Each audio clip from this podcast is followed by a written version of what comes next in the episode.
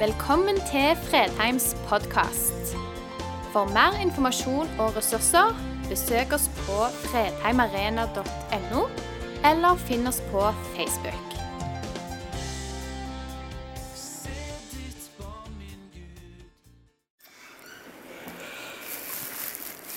Ja, øh,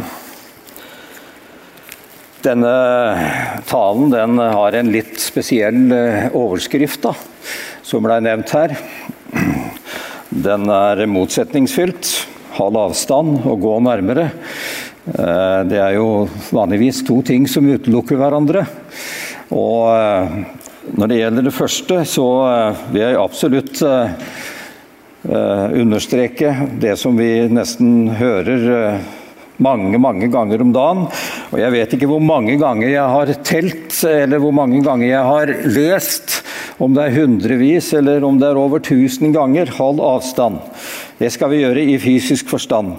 Men når det gjelder det andre to orda, gå nærmere, så har ikke det med fysisk nærhet å gjøre, men det har i denne, i, i denne sammenheng med eh, ditt kristenliv å gjøre. Jeg skal lese eh, to vers i første Mosebok 18. Der står det Så snudde mennene seg og gikk av sted til Sodoma. Men Herren ble fremdeles stående hos Abraham. Og Så står det den setningen som eh, kanskje jeg har spesielt lagt merke til, og som datt ned i sinnet mitt. Abraham gikk nærmere og sa:" Vil du virkelig rive bort de rettferdige sammen med de ugudelige? Og Da er vi altså midt inne i en meget dramatisk eh, fortelling som står i første Mosebok 18 og 19. Og Det begynner med at Abraham sitter i og døser i teltåpningen under treet i den intense eh, eftermiddagsheten ute i ørkenen der han hadde slått leir. Og Plutselig så ble han overraska over å se tre helt ukjente menn som sto noen meter borte og så på ham. Og Han sprang om, og så viste han dem gjestfrihet, selvfølgelig etter det som var skikk og bruk der i landet.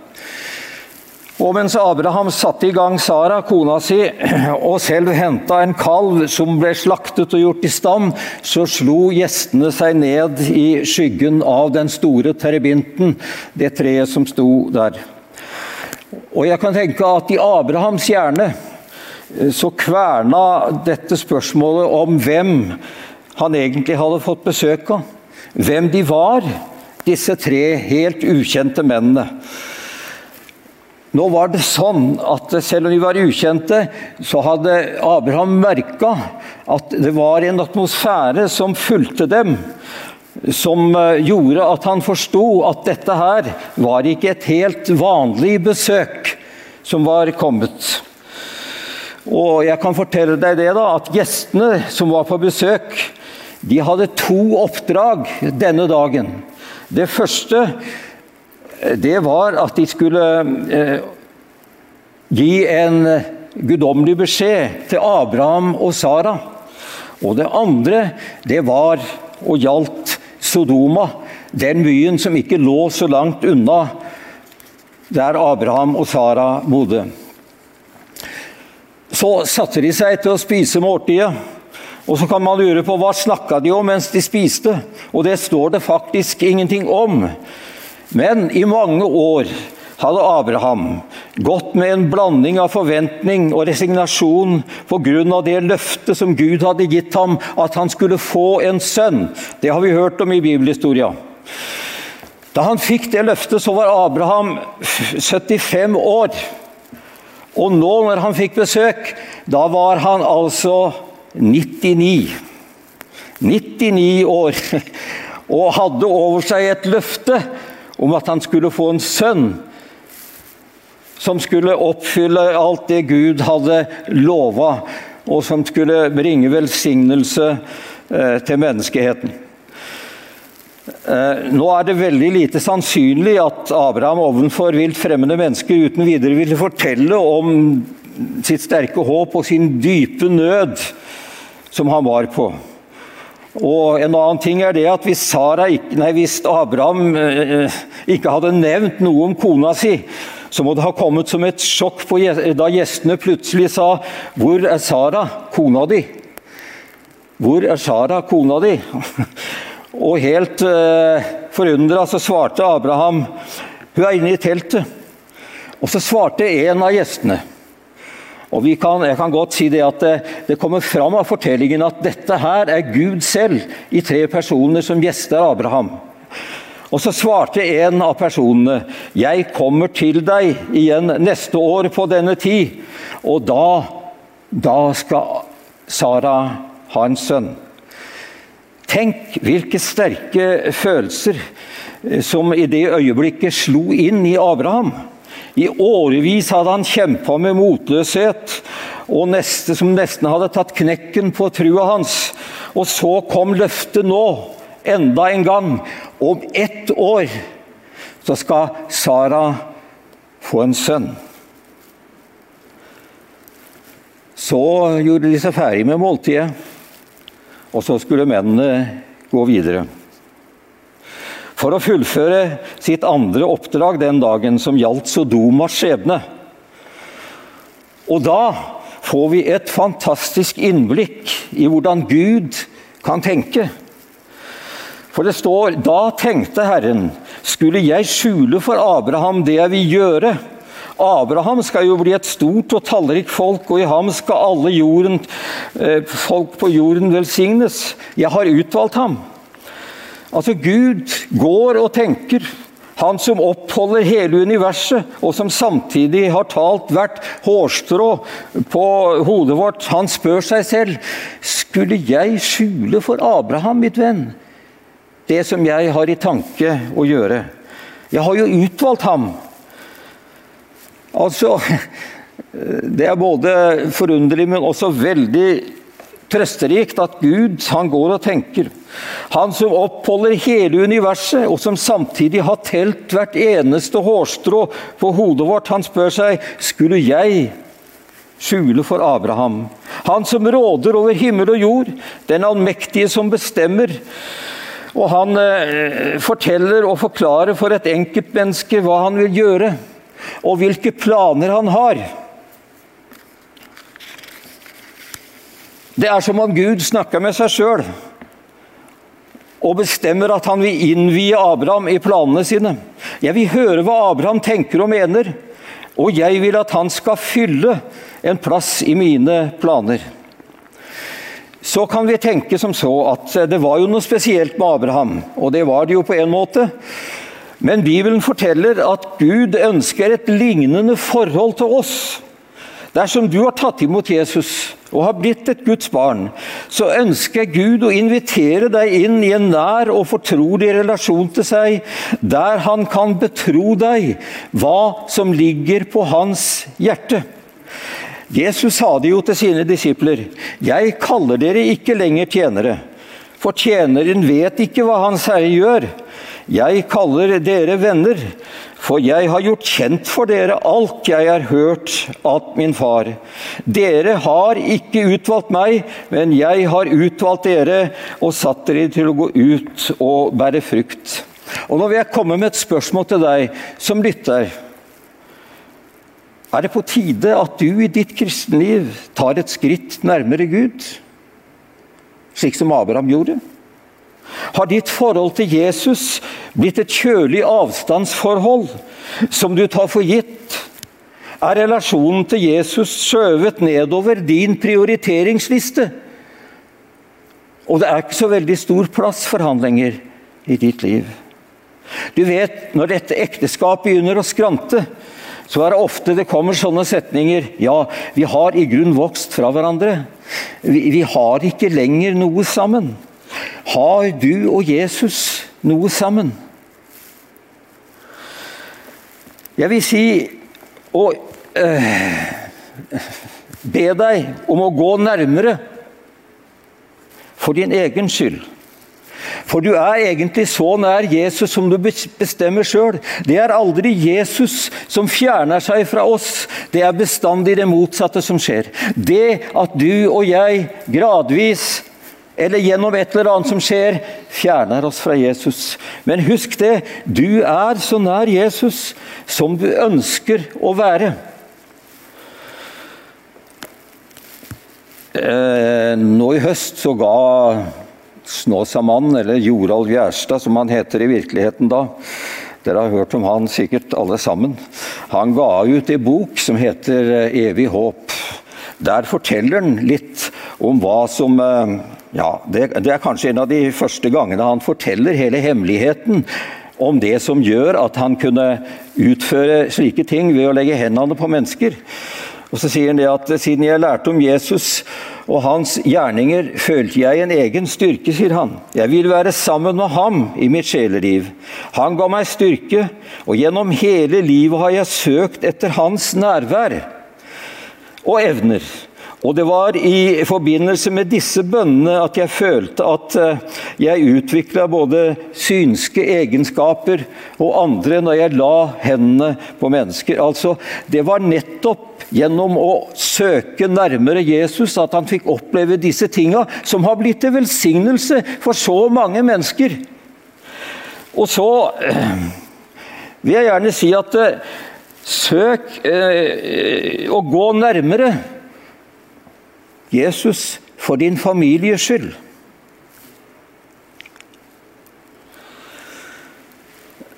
Jeg leste om en eh, gutt som var veldig glad i malerier. Eh, ikke minst likte han å se på glassmalerier i kirker. Så hadde han en dag fått faren sin med seg til en kirke hvor det var et maleri av en Kristusfigur på frontveggen. Faren og sønnen satte seg på, bak i salen, og faren gikk nokså raskt ut etter at gudstjenesten var ferdig. Denne gutten, sønnen, han ble værende, og så gikk han helt fram til altertavla. Og etter hvert så ba han eh, faren om å komme inn igjen med disse ordene. Far, du må komme frem du òg, og se hvor stor Jesus blir når du kommer nærmere. I dag er det farsdag. Jeg taler til fedre nå. Far, du må komme nærmere du også.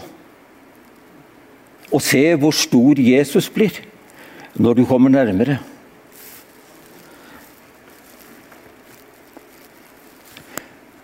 Og Så blir vi også oppfordra, og ikke minst i den eh, fortellingen som vi er inne i nå Vi blir oppfordra til å gå nærmere for byens skyld, for nasjonens skyld for det folket vi tilhører.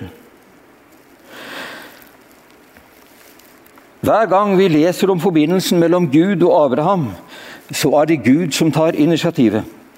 Og bønn det handler dypest sett om vår respons på Guds initiativ. Har du opplevd at Gud vil ha kontakt med deg på et dypere plan i livet ditt?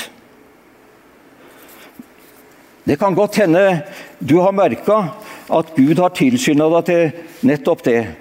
Det er mange kristne som ikke forstår at Gud faktisk ønsker fortrolig vennskap med dem. Gud ønsker å ha et fortrolig og nært vennskap med deg. De tenker som så at ja, Gud er hellig, og han sitter på tronen i himmelen, og jeg er en liten, ubetydelig kristen som, eh, som lever her nede på jorda og prøver å leve et sånt noenlunde ålreit liv. Det er ikke sånn det henger sammen. Det er det ikke. Når Gud ønsker å ha fortrolighet med deg som en venn, så ønsker han å dele tanker og planer med deg.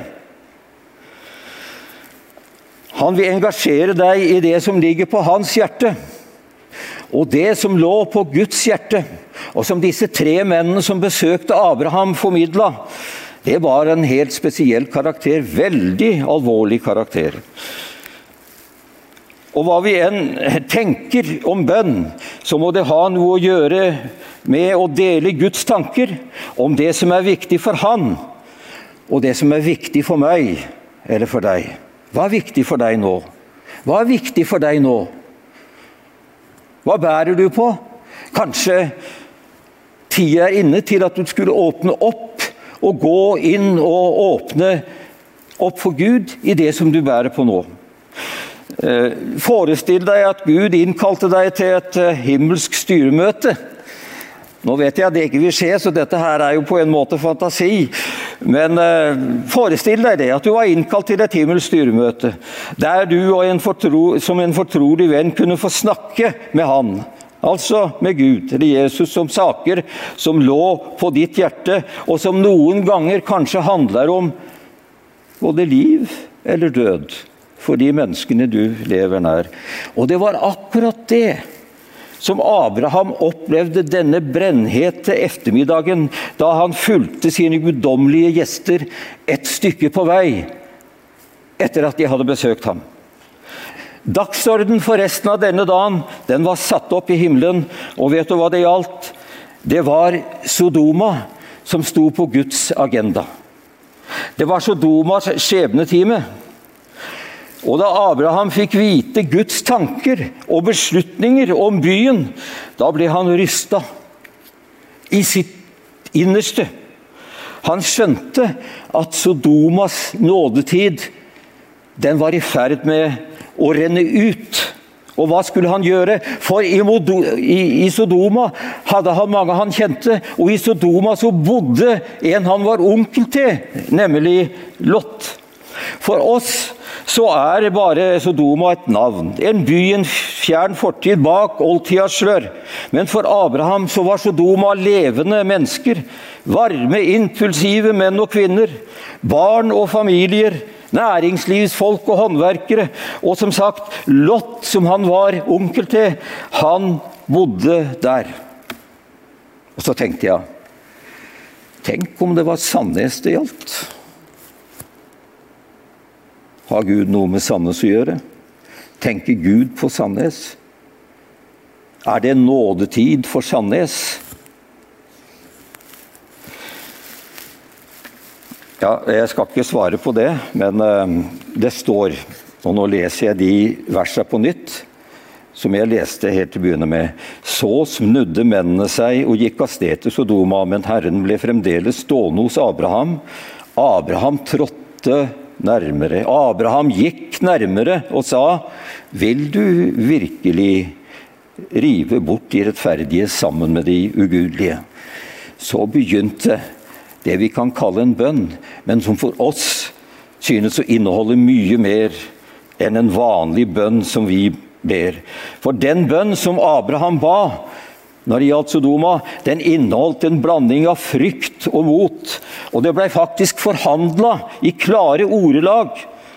Abraham ble engasjert i livsviktige forhandlinger med Gud om byen som han kjente så godt, og om den personen han var onkel til.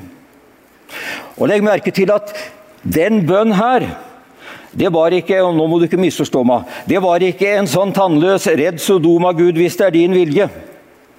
For noen ganger så kan det bli en frase og en lettvint løsning for oss. Det fører lett til at jeg ikke behøver å nærme meg Gud. Jeg trenger ikke å bry meg med å finne ut hva som er hans vilje, egentlig. Og jeg behøver ikke egentlig å tro på en mektig Gud som utfører mirakler mot alle odds og alle solemerker. Så, så, så denne setningen, som jo står i Fader vår, og som vi skal bruke, men det kan lett for oss bli en, et halvvertet og blodfattig det. Det som skjer, det skjer. Gjør det som er din vilje, Gud. Nei. Eh, og vet du hva det handla om? Jo, hvis det fins 50 rettferdige i Sodoma, Gud, vil du ødelegge den byen da? Nei, svarte de som var med ham. Hvis det fins 50 rettferdige i Sodoma, så skal jeg spare byen. Skjønte Abraham jeg, tar et skritt til. Men Gud, hvis det mangler fem i de 50, og det fins 45 vil du ødelegge Sodoma da? Nei, Abraham. Hvis det fins 45 rettferdige i Sodoma, så skal jeg ikke ødelegge byen. Her ble det altså forhandla, nesten sagt, på død og liv. Men Gud, hvis det bare er 40 Og så gikk han nedover og nedover og nedover. Til slutt så havna han Men Gud, hvis det bare fins ti rettferdige i Sodoma, vil du svare Vil du spare Sodoma da? Ja, Abraham, hvis det fins ti rettferdige i Sodoma, så skal jeg spare byen. Men det har det da tydeligvis ikke gjort. Fordi Sodomas skjebne var besegla fra Guds side. Men det som jeg tenker på, og nå skal du høre etter Tenk hvilken enorm maktfaktor de troende i en by eller et land utgjør, når ti rettferdige ville redda Sodoma. Tenk hvilken enorm innflytelse og hvilken maktfaktor de, de, de, de, troende betyr i et land, i en by, når ti rettferdige ville gjort at Gud sparte Sodoma. Nå skal ikke jeg gå for langt med dette, men vet du hvem som betyr mest i denne byen, i dette landet? Ja, Ut ifra det vi ser her i denne beretningen, så ser det ut til at uh, de troende som ber, de betyr mer enn de avgjørelsene som blir tatt noen ganger på Stortinget og andre steder. Hvis du visste hvilken enorm innflytelse du har gjennom din bønn, så ville du bedt mye mer. Det er jeg helt sikker på. For det mennesket som ser sant på seg sjøl, er en som har sagt, det på sin samtid, er gjennom sin bønn og sin gudsfrykt med på å sette guddommelige krefter inn i samfunnslivet.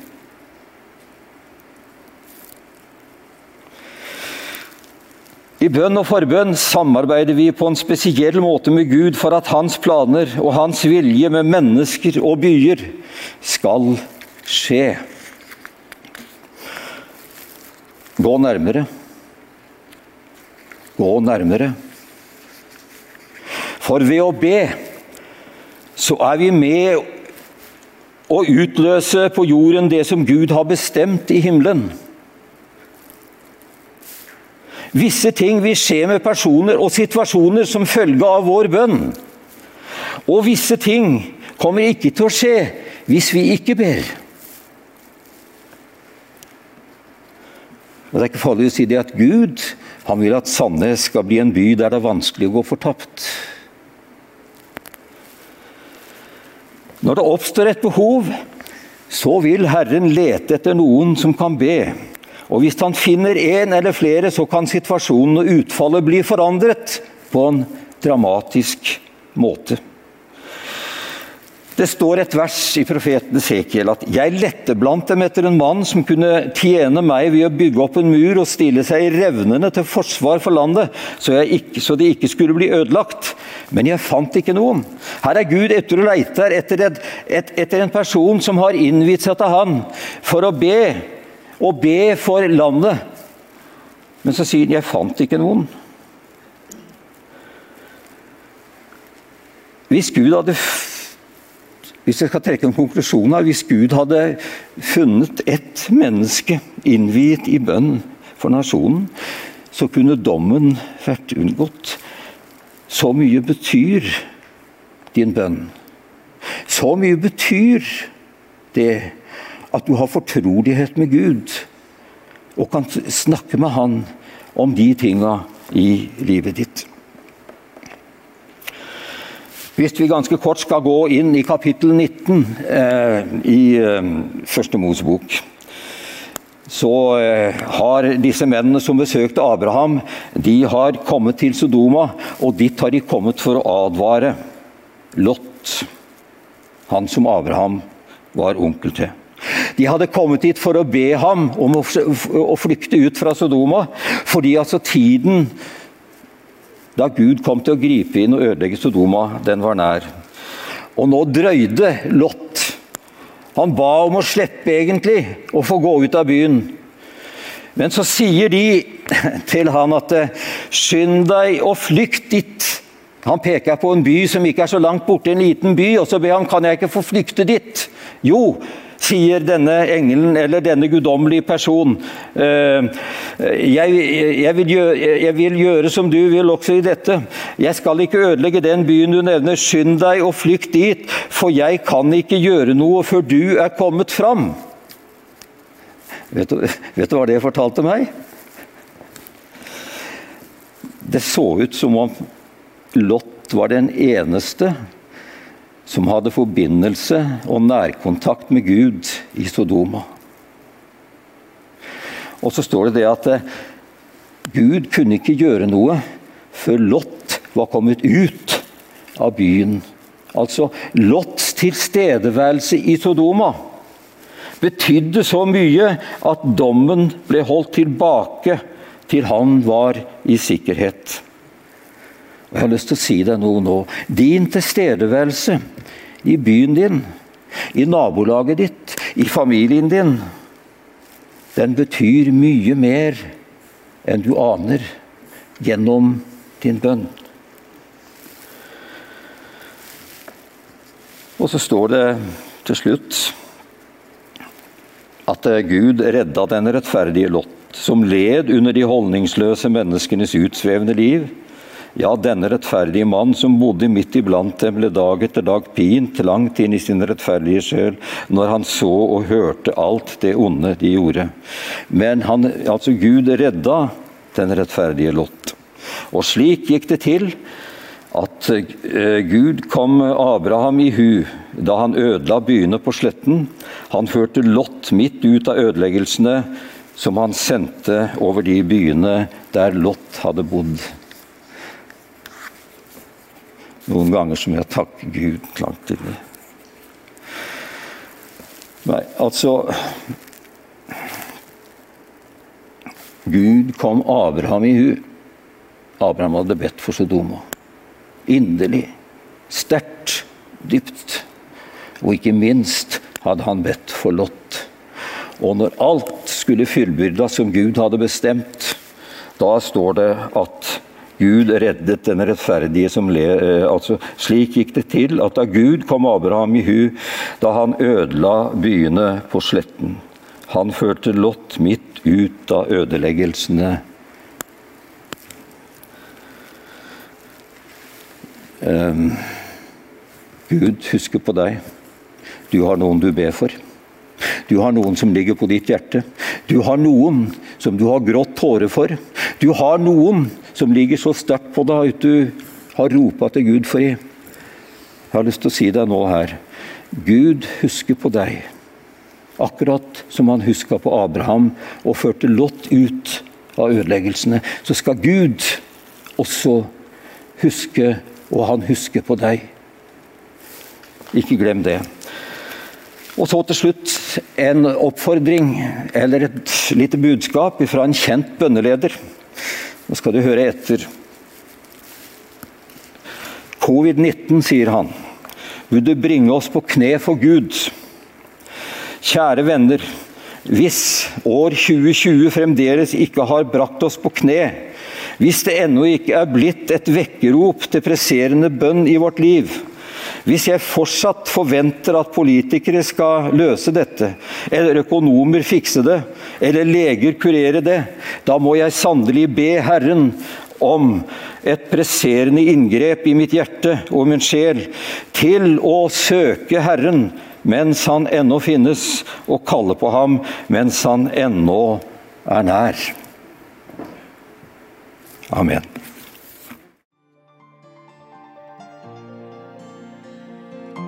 Takk for at du valgte å høre på. Nye opptak legges ut hver uke. Vi har gudstjenester hver helg, og du er hjertelig velkommen.